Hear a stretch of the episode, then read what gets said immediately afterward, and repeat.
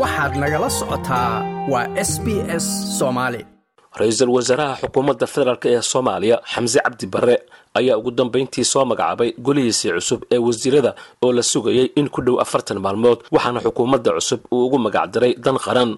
Golaha wasiirada cusub ayaa ka kooban ra'iisul wasaare ku-xigeen shan iyo labaatan wasiir shan iyo labaatan wasiir ku-xigeen iyo afar iyo labaatan wasiir dowle iyadoo shan iyo labaatan wasaaradood ay ka kooban tahay waxaana la baabi'iyey wasaaradda gargaarka iyo masiibooyinka iyadoo lagu bedelay wasaaradda bay-ada iyo isbeddelka cimilada. Wasaaradda dastuurka ayaana la hoosgeeyey wasaaradda cadaaladda ee xukuumadda federaalka ra'iisul wasaaraha xukuumadda federaalk xamse cabdi barre oo ka hadlay munaasabadda magacaabista golaha xukuumadda ayaa sheegay in ay muhiim tahay wadatashi dheer kadib in uu soo magacaabo xukuumad uu ku soo xushay aqoon iyo karti isagoona golaha baarlamaanka federaalk ee soomaaliya ka codsaday inay ansixiyaan golihiisan cusub.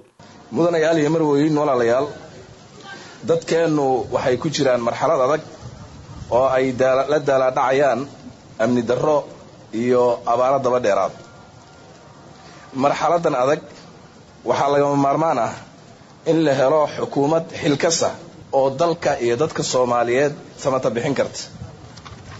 Mudanayaal iyo marweyn walaalayaal wadatashi deer oo qaatay dhowr iyo soddon maalmood kadib oo aan la yeelanayay madaxweynaha jamhuuriyadda federaalk ee soomaaliya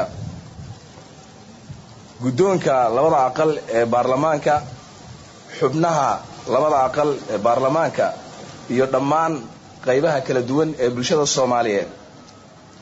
Waxaan ku faraxsanahay in aan soo bandhigo wilal iyo gabdho soomaaliyeed oo aan u soo xushay kuna soo xushay aqoontooda khibraddooda kartidooda iyo hufnaantooda. Kuwaas oo aan rajaynayo in ay ka jawaabi doonaan baahida marxaladda. Waxaana rajaynayaa in ay ku guulaysan doonaan in ay soomaaliya cusub ay dhabba cusub u jeexaan. Ayagoo aan aaminsanahay in ay hirgelin doonaan barnaamijka weyn iyo aragtida weyn ee madaxweynaha jamhuuriyadda federaalk ee soomaaliya oo halkudheggiisu yahay soomaali heshiisah dunidana heshiis laah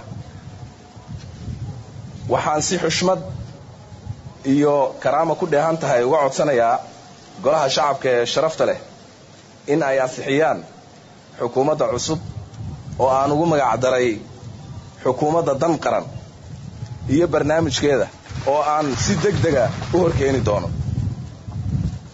Ugu dambayn waxaan shacabka soomaaliyeed meel kastay joogaan ugu baaqayaa in ay soo dhoweeyaan lana shaqeeyaan xukuumadda cusub ee dan qaran si ay u gudato waajibaadka qaran ee culayska badan. Golaha wasiirada waxaa si lama filaan ah uga soo dhex muuqday sheekh mukhtaar roobow abuumansuur oo in ku dhow saddex sano iyo bar isaga u xirnaa dowladda federaalk gaar ahaan dowladdii madaxweyne maxamed cabdulaahi farmaajo waxaana abuumansuur loo magacaabay wasiirka diinta iyo awqaafta xukuumadda soomaaliya. Mukhtaar roobow oo ka mid ahaa mas'uuliyiintii ugu sarraysay ururka al-shabaab oo uu ka soo noqday hogaamiye ku-xigeen iyo sidoo kale afhayeenka ururkaasi ka hor inta uusan isku soo dhiibin maamulka koonfur galbeed bishii juun tobankii oo ay maraykanku sheegeen inuu ka saaray liiska argagixisada islamarkaana ay dowladda federaalk ee soomaaliya si weyn u soo dhoweysay go'aankiisii soo dhiibitaanka. Hase yeeshee bishii diseembar tobankii ayay dowladda federaalk ka soo xirtay magaalada baydhabo ee xarunta gobolka baay xilligaasoo uu doonayay inuu u tartamo xilka madaxweynaha koonfur galbeed. Dowladda federaalk soomaaliya ayaana tani xilligaasi xabsi guri ku yaalla muqdisho ku xirtay mukhtaar roobow iyadoo hadda si lama filaan ah uga soo dhex muuqday golaha wasiirada cusub taasoo dad badan ay siyaabo kala duwan uga hadleen afhayeenka xukuumadda soomaaliya farxaan maxamed jimcaale ayaana ugu horrayntii ku dhawaaqay liiska shan iyo labaatanka wasiir ee xukuumadda cusub. Mudane saalax axmed jaamac ra'iisul wasaare ku-xigeen mudane sheekh mukhtaar roobow cali abuumansuur wasiirka wasaaradda arrimaha diinta iyo awqaafta. Mudane xasan macalin maxamuud wasiirka wasaaradda cadaaladda iyo dastuurka mudane axmed macalin fiqi wasiirka wasaaradda arrimaha gudaha federaalka iyo dib u heshisiinta mudane doctor cilmi maxamuud nuur wasiirka wasaaradda maaliyadda. Mudane cabduqaadir maxamed nuur wasiirka wasaaradda gaashaandhigga. Mudane abshir cumar huruuse wasiirka arrimaha dibadda iyo iskaashiga caalamiga. Mudane faarax sheekh cabduqaadir wasiirka wasaaradda waxbarashada iyo tacliinta sare. Mudane maxamuud cabdiraxmaan sheekh faarax beene beene wasiirka wasaaradda qorshaynta maalgashiga iyo horumarinta dhaqaalaha. Genaraal cabdulaahi axmed jaamac elkajiir wasiirka wasaaradda dekedaha iyo gaadiidka badda. Marwo fardowso cismaan cigaal dhoore wasiirka wasaaradda gaadiidka iyo cirka wasaaradda gaadiidka cirka iyo dhulka mudane jaamac xasan khaliif wasiirka wasaaradda boostada iyo isgaarsiinta. Mudane xasan xuseen maxamed xasan eelaay wasiirka wasaaradda xanaanada xoolaha dhirta iyo daaqa. Marwo khadiijo maxamed diiriye wasiirka wasaaradda haweenka iyo xuquuqul insaanka. Mudane doctor maxamed axmed sheekh cali doodishe wasiirka amniga gudaha. Mudane daawuud aweys jaamac wasiirka warfaafinta iyo dalxiiska. Iyo marwo khadiija maxamed almaqsuumi wasiirka wasaaradda bii'ada iyo isbeddelka cimilada. Sidoo kale afyeenku waxa uu ku dhawaaqay wasiir ku-xigeenada iyo sidoo kale wasiiru dowlayaasha xukuumaddan cusub. Dhanka kale saacad kadib markii la magacaabay xubnaha golaha wasiirada ayaa mid ka mid ah wasiir ku-xigeenada la magacaabay oo lagu magacaabo maxamed cabdulqaadir cali waxa uu ku dhawaaqay in gebi ahaanbuu iska casilay xilkii loo magacaabay maxamed cabdulqaadir cali oo loo magacaabay wasiir ku-xigeenka wasaaradda qorshaynta ayaa sheegay in beeshiisu aanay u qalmin marka loo eego xilkaasi loo magacaabay. Saxaafadda sharafta leh galabta waxaan halkaan isukan yeeray in aan ka caddeeyo halkan anigoo ah maxamed cabdulqaadir cali loona magacaabay wasiir ku-xigeenka wasaaradda qorshaynta.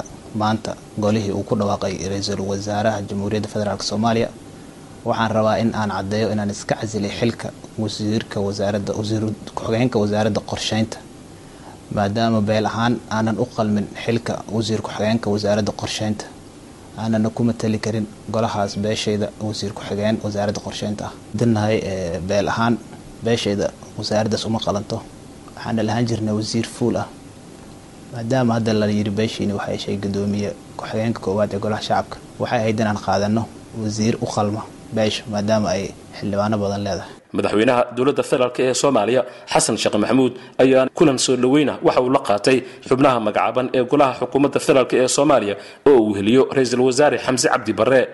Madaxweynaha ayaa ku bogaadiyey ra'iisul wasaare xamse la tashiyada ballaaran ee uu la sameeyey iyo dadaalka uu ku bixiyey dhismaha xukuumad tayo leh oo hanan karta himilada shacabka soomaaliyeed. Madaxweyne xasan sheekh maxamuud waxa uu kula dardaarmay golaha xukuumadda cusub inay xoogga saarto xaqiijinta amniga gurmadka abaaraha dib heshiisiinta dhammaystirka dib u eegista dastuurka horumarinta dowladnimada iyo kaabayaasha nololeed ee shacabka soomaaliyeed. Sidoo kalena ay hagaajiso xidhiirka diblomaasiyadeed ee soomaaliya ay la leedahay dunida inteeda kale. Madaxweynaha ayaana waxa uu ka codsaday xildhibaanada golaha shacabka ee baarlamaanka federaalk soomaaliya inay ansixiyaan xubnahan si ay si deg deg ah ugu gutaan waajibaadkooda qaran ee loo igmaday. Si kastaba golahan cusub ee xukuumadda federaalk soomaaliya oo ka kooban iyo toddobaatan xubnood ayaa la filayaa in maalmaha soo aadan la horgeeyo golaha baarlamaanka federaalk ee soomaaliya si codka kalsoonida loogu qaado. Haddii golaha baarlamaanka uu meel mariyana waxaa looga fadhiyaa inay qabtaan shaqo aad u culus oo ku aadan wax ka qabashada arrimaha amniga iyo dhaqaalaha iyadoo soomaaliya abaar daran ay ka jirtay sannadihii ugu dambeeyey ma doonaysaa sheekooyinkan oo kale? Ka dhegayso apple podcast google podcast spotify ama meel kasta oo aad bodkastigaaga ka hesho